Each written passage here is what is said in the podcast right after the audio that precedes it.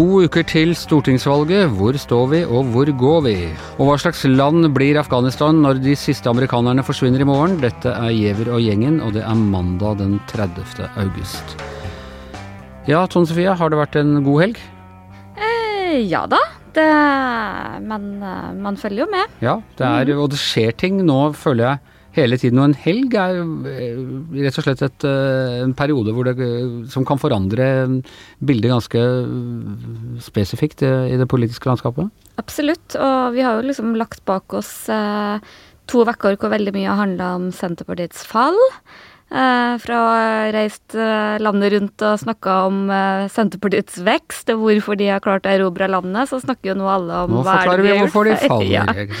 Ja. ja, og så har det jo også handla om at de rød-grønne, klassiske rød-grønne, da, Ap, Senterpartiet og SV har mista flertallet sitt på mange av målingene. Så, så det betyr jo at uh, hva slags regjering får vi, og hva er det som skjer. Og at Rødt og MDG er blitt en ja. ganske viktig maktpol. Ja, og det og i tillegg til klimasaken, som jo selvfølgelig har dominert og gjort at både SV og MDG og også Venstre har fått en dytt. Så liksom i, i, i mandag morgen så satt liksom alle sånn hva skjer herre vekka? Hva, ja. hva, blir den neste omdreiningen? Nå kan ikke du kikke inn i spåkula der? Uh, nei, jeg holder fast ved at vi kommentatorer egner oss bedre til å analysere det som har skjedd, enn til å spå, for det blir som regel feil. Men jeg vil overraske meg veldig om at vi ikke får uh, ny utvikling i, i, valgkampen. For vi ser fortsatt at veldig mange velgere er uh, på vandring. Særlig ser vi det på venstresida, hvor det er nesten vill vest-stemning mellom SV og Rødt og MDG og, og, delvis Arbeiderpartiet om veldig mye de samme velgerne.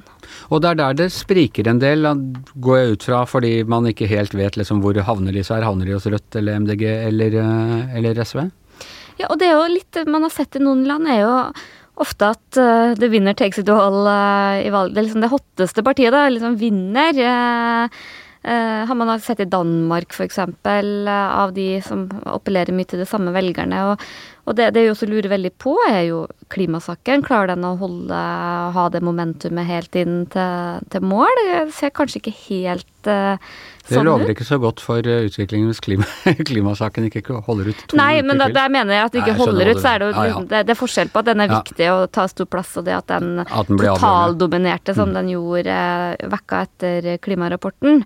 Uh, og jeg syns også at jeg ser litt sånn tendenser på enkeltmålinger, at uh, at uh, særlig Rødt gjør det bedre enn MDG, mens vi så rett etter den at MDG var større enn Rødt. Så der mm. er det liksom et sånn De kjemper nok om veldig mye de samme velgerne. Og så vet vi også at det er velgere som er litt ustabile, som eh, gjerne ikke har stemt før, ofte ikke møter opp på valgdagen.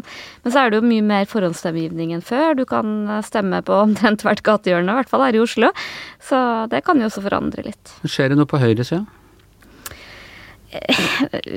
i mye mindre skala. Jeg tror Høyre fortsatt sitter og håper på Erna-effekten, og at uh, velgerne skal våkne opp og se, bli skremt av Rødt og MDG. Det uh, ser ikke ut som det har skjedd ennå. Uh, Høyre, de når de beveger seg, så er det i sånn skilpaddetempo på, på, målingene. Det er lite oppdrift der. Der vi eventuelt ser litt, er Fremskrittspartiet. Noen målinger tyder på at de kanskje er litt i vinden. Har stoppa lekkasjen til Senterpartiet. Og, og det ville jo være rart når Senterpartiet går såpass mye tilbake, om ikke det hadde en viss effekt på Fremskrittspartiet? Ville ikke det? Jo. Men Fremskrittspartiet sliter også med at de eh, lekker en del til Demokratene. Har i hvert fall gjort det en del fylker. Og sliter også litt med det der Industripartiet, som tar en del sånne type oljearbeidere og industriarbeidere. Men jeg, jeg tror nok at eh, særlig Frp nå kan vinne litt på å være liksom det eneste liksom, motstrømspartiet i klimasaken. Da, ja, for jeg ser de kjører hardt på det mm. at det er oljen som er vår eh, velferdsnøkkel, og uten den kan vi bare glemme, ja. osv. Så, videre. så det gir nok dem hakket mer spillerom enn de har hatt. Og så tror jeg jo kanskje Afghanistan og, og den litt sånn uroligheten i verdenssituasjonen også kan være Eh, det er jo ikke det samme som når du sykla masse asylstykker over Storskog. Det er jo ikke det, men eh, det gir i hvert fall dem litt mer eh, spillerom, da. For det er jo Valgkamp handler jo i veldig stor grad om at de sakene et parti har sakseierskap til, skal få dominere dagsordenen. Og, det har jo Frp slitt med lenge. Du, Hva med EU og EØS? Altså, Vi risikerer å få en ganske kraftig bolk av anti EU- og EØS-partier på Stortinget nå. Rødt, SV, mm. Senterpartiet. Jeg vet ikke hvordan stiller Frp er vel dog ikke mot EØS-avtalen, men, men, de er ikke De ville reforhandle deler av den til noe ja. bedre, hørte jeg ja, ja. i morges. Ja. Nei, og det er jo en interessant sak som uh, uh, jeg ser jo i hvert fall at Høyre kjører veldig på den usikkerheten rundt EØS. Eh, e jeg er usikker på hvor mye de har eh, fått igjen for det, men, eh, men vi kan jo risikere å få en, et tyngdepunkt på Stortinget med en helt annen holdning til EØS. Det, men vi ser også at Senterpartiet har jo hatt en viss faneflukt fra hvor de nå liksom roer litt sånn ned. Vi skal selvfølgelig ikke si opp EØS-avtalen før vi har en ny på plass. Det er litt forskjellige reaksjoner i partiet? ja, det er nok det. Og sånn men EØS-avtalen ble i sin tid vedtatt med et solid Det måtte mm. to tredjedels flertall til, for det var mm. grunnlovsendring osv. Mm. Eh, men det flertallet ser ikke til å være så uh, solid lenger? Nei, overhodet ikke. Det ser veldig skjørt ut. Men jeg har alltid trodd at det der er en litt sånn papirtiger, som jeg kaller det, i norsk politikk. Eh, for sjøl om mange partier, f.eks. Senterpartiet og også SV er eh, på papiret mot eh, EØS-avtalen, så tror jeg nok at det sitter veldig langt ned på deres prioriteringsliste å faktisk gjøre noe med det. Og det tror jeg fordi de ser at det der er mye mer vanskelig enn, eh, enn man kanskje vil ha det til. Da. For det er ikke veldig stor realisme i, i dag å prøve å forhandle fram en ny EØS-avtale som skal være bedre enn den vi fikk i 92? Det, det virker særdeles optimistisk. Jeg ser at det var et ledende spørsmål. Jeg ja. preget av mine egne fordommer. Ikke jeg er noen EØS-ekspert, men uh, men um, jeg tror nok at det er en, sånn som mange har på, på, sin agenda, men ikke nødvendigvis vil gjennomføre. Men det har du også sett i, i Fellesforbundet og store deler av fagbevegelsen, at uh, den skepsisen til EØS, ACER og andre ting har jo hatt veldig vind i seila de siste årene. Og det var jo litt det man opplevde i England, at det var masse som liksom litt på papiret var for ja. utmelding, og plutselig fikk dette her en egen dynamikk, og så, ja. og så fikk du brexit. Ja. Så det er vel en grunn til at Høyre tenker på det som et av sine sterke kort i sin eh, skremselspropaganda, om du kan bruke et sånt ord. Ja. Eh, noen nye meningsmålinger i det siste som sier noe spesielt interessant, eller? Eh? Ja da, det er meningsmålinger er det ikke mangel på. Den siste var vel TV 2 søndag kveld, som viser at Senterpartiet har vel stabilisert seg rundt 11,5. Alle er jo spent på fortsetter de fallet, klarer de å snu det, er de på en måte på et nytt nivå. Og så er jo den der eh, sperregrensesituasjonen er jo alltid eh, spennende. Og på den målinga så var jo eh, Rødt oppe i 7,2% om jeg ikke husker feil, mens KrF var det eneste partiet som var så vidt under. Går det an at alle partiene kommer over sperregrensa? Ja, det gjør det vel? Ja, og det er jo kanskje noe av det mest spennende som kan skje i Eh, etter valget er jo om alle, ikke alle partiene i verden, da, men, Nei, alle men partiene Alle som nå er på Stortinget, i hvert fall. Vi, ja, eh, alle sperregrensepartiene, som vi kaller de, kommer over. Eh, det blir jo langt færre å fordele disse utjevningsmandatene på, men da kan vi nok fort få en situasjon som vi har sett i en del av de store byene, at det må ganske mange partier til for å danne et flertall, at du får en mer sånn fragmentert eh, politisk styring. Så det, det, akkurat nå så ser det litt sånn ut som at det kan bli eh, bildet. Og, og, kanskje særlig Rødt og MDG har jo også ganske sånn eh, mye uprøvde folk, mye unge folk på listene sine, så det kan jo bli veldig spennende hvis, hvis det skjer. Ja, kjempegøy. Litt som ja. 73 da SV røk inn med mange ganger 16 representanter som man ikke helt visste hvem var. Ja, så det er ikke helt sånn med SV lenger. Nei, Nei. det er det ikke. Ok, eh, vi skal følge det veldig tett her i, eh, i Giæver og gjengen i hvert fall. Men nå skal vi utenriks. Eh, per Olav Ødegaard, altså i morgen er datoen. Da skal den siste amerikaneren, siste amerikanske soldaten ut av Kabul og Afghanistan. Taliban har gjort det veldig klart at uh, denne fristen skal overholdes. Samtidig så har altså amerikanerne gått til angrep på terroristbaser inne, i, inne, i, landet. Hva Kommer de til å være, forsvinne ut i morgen? Ja, det gjør de nok ganske så sikkert. Nå er jo evakueringen stanset fra flyplassen av sivile, da, vel å bemerke. Og det som nå er gjenstår, da, det er de siste militære styrkene som skal trekkes ut. og de, fleste land har jo trukket ut sine styrker nå, eh, de aller fleste. Så gjenstår det da amerikanske styrker der som eh, er med de siste flyene ut. Eh, Så da forlater USA og de allierte Afghanistan. og amerikanerne vil jo ikke heller ha noen ambassade eller noen representasjon i landet etter den tiden. Og hva Hvordan kommer de da til å forholde seg til den typen terrortrussel? Er, blir det droner fra andre land og, og bombe, at man, at man, i realiteten Ja, man slutter, slutter med hele denne det man kaller sivilisasjonsbyggingen, og bare driver ren bombing og, og avstandskrigføring? Det avhenger veldig mye av eh, hvilket Afghanistan vi vil se eh, fra 1.9. og i dager, uker, måneder fremover. Eh, det som var nå i den siste fasen, var jo et veldig sånn underlig og litt van, åpenbart vanskelig samarbeid mellom USA og Taliban, rett og slett for å kunne klare å gjennomføre evakueringen på en noenlunde måte, det, trygg måte. Det ble jo ikke noe trygg måte. Det ble jo, som vi husker, både kaos og det ble terror. Forferdelig terror sist torsdag, mm, utført av eh, IS som eh, er mot både Taliban og selvsagt USA, eh, og, ville, og, er mest interessert i å fortsette å skape kaos og utrygghet i Afghanistan. Et av de store spørsmålene fremover er jo hvorvidt Taliban eh, kan, eh, et vil eller kan kontrollere eh, grupper som IS, ISK som det kalles, islamske stat Khorasan, som er gammel historisk betegnelse på et større område som innbefatter både Afghanistan og Pakistan og, og deler av Iran.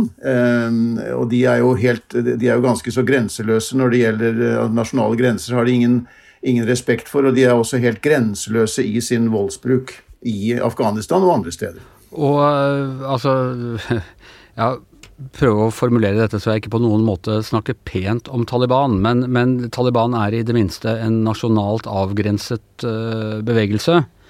Uh, ja, de ga rom for Al Qaida uh, i sin tid, men de var ikke en egentlig direkte medspiller med, med Al Qaida. Og, og, mens da IS er, som du sier, et globalistisk terrorsyndikat. kan det oppstå en borgerkrig mellom disse to gruppene? Kan, de har jo vært i kamp med hverandre, og så er det samtidig visse fraksjoner altså Taliban er jo også en, en, en, bevegelse med mange fraksjoner, og det har vært fraksjoner der som har hatt et uh, Som i hvert fall på noen plan har samarbeidet med andre jihadistgrupper, sånn som uh, IS, men, men mainstream Taliban har jo ikke gjort det, og, og det er, den ISK har jo de, de, var jo eh, de markerte jo motstand mot at Taliban i hele tatt begynte å forhandle med USA. Vi husker at uh, Donald Trump forhandlet fram en avtale med Taliban uh, i fjor, i, i, februar i fjor. Um, det var det som liksom la grunnlaget for uh, at USA og allierte skulle da trekke seg ut nå i år. Um, så har tidsfristene variert underveis. Men Taliban forhandlet med USA, og de har jo også hatt en slags forhandling med de tidligere afghanske myndighetene, samtidig som de har fortsatt sin militære offensiv.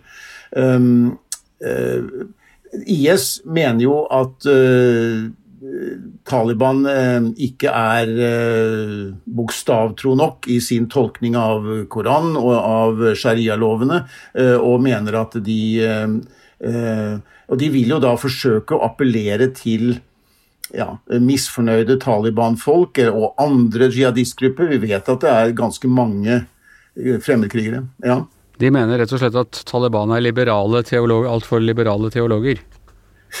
Antagelig i en slags eh, det er, ikke, det er, ikke, mye som virker som moderat med Taliban sett med eh, herfra, med våre øyne, men i deres øyne så er de da gått for langt i å tilpasse seg og bli vant med å bevege seg i internasjonale forhandlinger og, og liksom maktens posisjoner. IS vil jo framstille seg som en sånn gruppe i opposisjon til dette, og nå er det Taliban som faktisk er establishment i, eh, i Afghanistan. Men er, altså, IS er Det er ikke noen sjanse for at IS kan ta makten i Afghanistan. Det vil være mer et, eh, et uro- og kaosmoment for Taliban, som de selvfølgelig må forholde seg til. Men det er ikke Eh, det er ikke en kamp om makten, dette her? Sånn som, altså Etter de anslag som man har nå, så er det jo snakk om at det er eh, kanskje 2000, kanskje noe flere uh, IS-aktive uh, medlemmer eller terrorister da, som er direkte tilknyttet dem og disse cellene de har rundt om, eller i deler av landet. Så, så, er det en del andre grupper, som andre fraksjoner her. Det er også en god del fremmedkrigere fra andre land i regionen. Flere tusen av de, ifølge FN-rapporter. Sånn at men De er ikke tallmessig veldig sterke, men vi har jo sett at de kan skape veldig mye kaos og, og er i stand til å utføre de verste type terrorangrep mot sivile, og også mot myndigheter. Og sivilbefolkningen i Afghanistan, som liksom er de vi har skullet hjelpe de siste 20 årene, hvordan er ståa for dem? Ja, det, En ting er jo den um, de fikk jo, Det var et vindu med en viss åpenhet mot verden, med, eh, med, med, med valg, med eh, større bevegelsesfrihet, kvinner i det offentlige rom. Eh, et, en, en, satsing på å utbygge helse og skoler. Dette er jo noe som nå må vi er veldig usikre på hvordan dette vil bli under Taliban. som Vi, vi vet hvordan de opptrådte fra 1996 til 2001. Alle kjenner den forhistorien. Eh, og så er det jo dette at um, nå står jo Afghanistan foran en økonomisk krise, og kanskje også en, også en humanitær krise. Det er, har vært, I tillegg til krig så har det vært en langvarig tørke i landet. og det er jo nå FN varsler jo at én av tre afghanere innen kort tid vil ha behov for humanitær hjelp, for det blir matmangel. Og så, er det, og så må de nå klare seg, fordi veldig mange av disse utenlandske midlene som jo på en måte har holdt den afghanske økonomien i gang, altså giverland, eh, støtte både til myndighetene, men også til prosjekter i landet, tørker jo nå inn i stor grad. Og nå må de da klare seg uten dette. Eh, det kan jo også skape både misnøye, men også og nød i landet. Ikke noe særlig lystige fremtidsutsikter i det hele tatt. Da er Gjever og gjengen snart slutt, men jeg minner om, eller jeg, jeg eh, jeg gjør kjent at uh, også denne uken så skal vi ha et live-event på bakgården på Grünerløkka på torsdag. Vi jobber litt med uh, gjester ennå, så jeg har ikke noe navn klare. Men du og jeg kommer i hvert fall, Tone Sofie Hagen. Vi satser på det. Vi satser på det. Det er lenge fram til torsdag, så, så, mye kan skje. Men uh, følg med på Facebook-sida vår, og, og, følg med på oss her på våre daglige sendinger. Gjever og gjengen er over for i dag. I hjemmestudio Per Olav Ødegaard, her i studio Tone Sofie Hagen og Anders Giæver. Og produsent og øverste mulla er som vanlig mulla Magne Antonsen. Vi høres i morgen.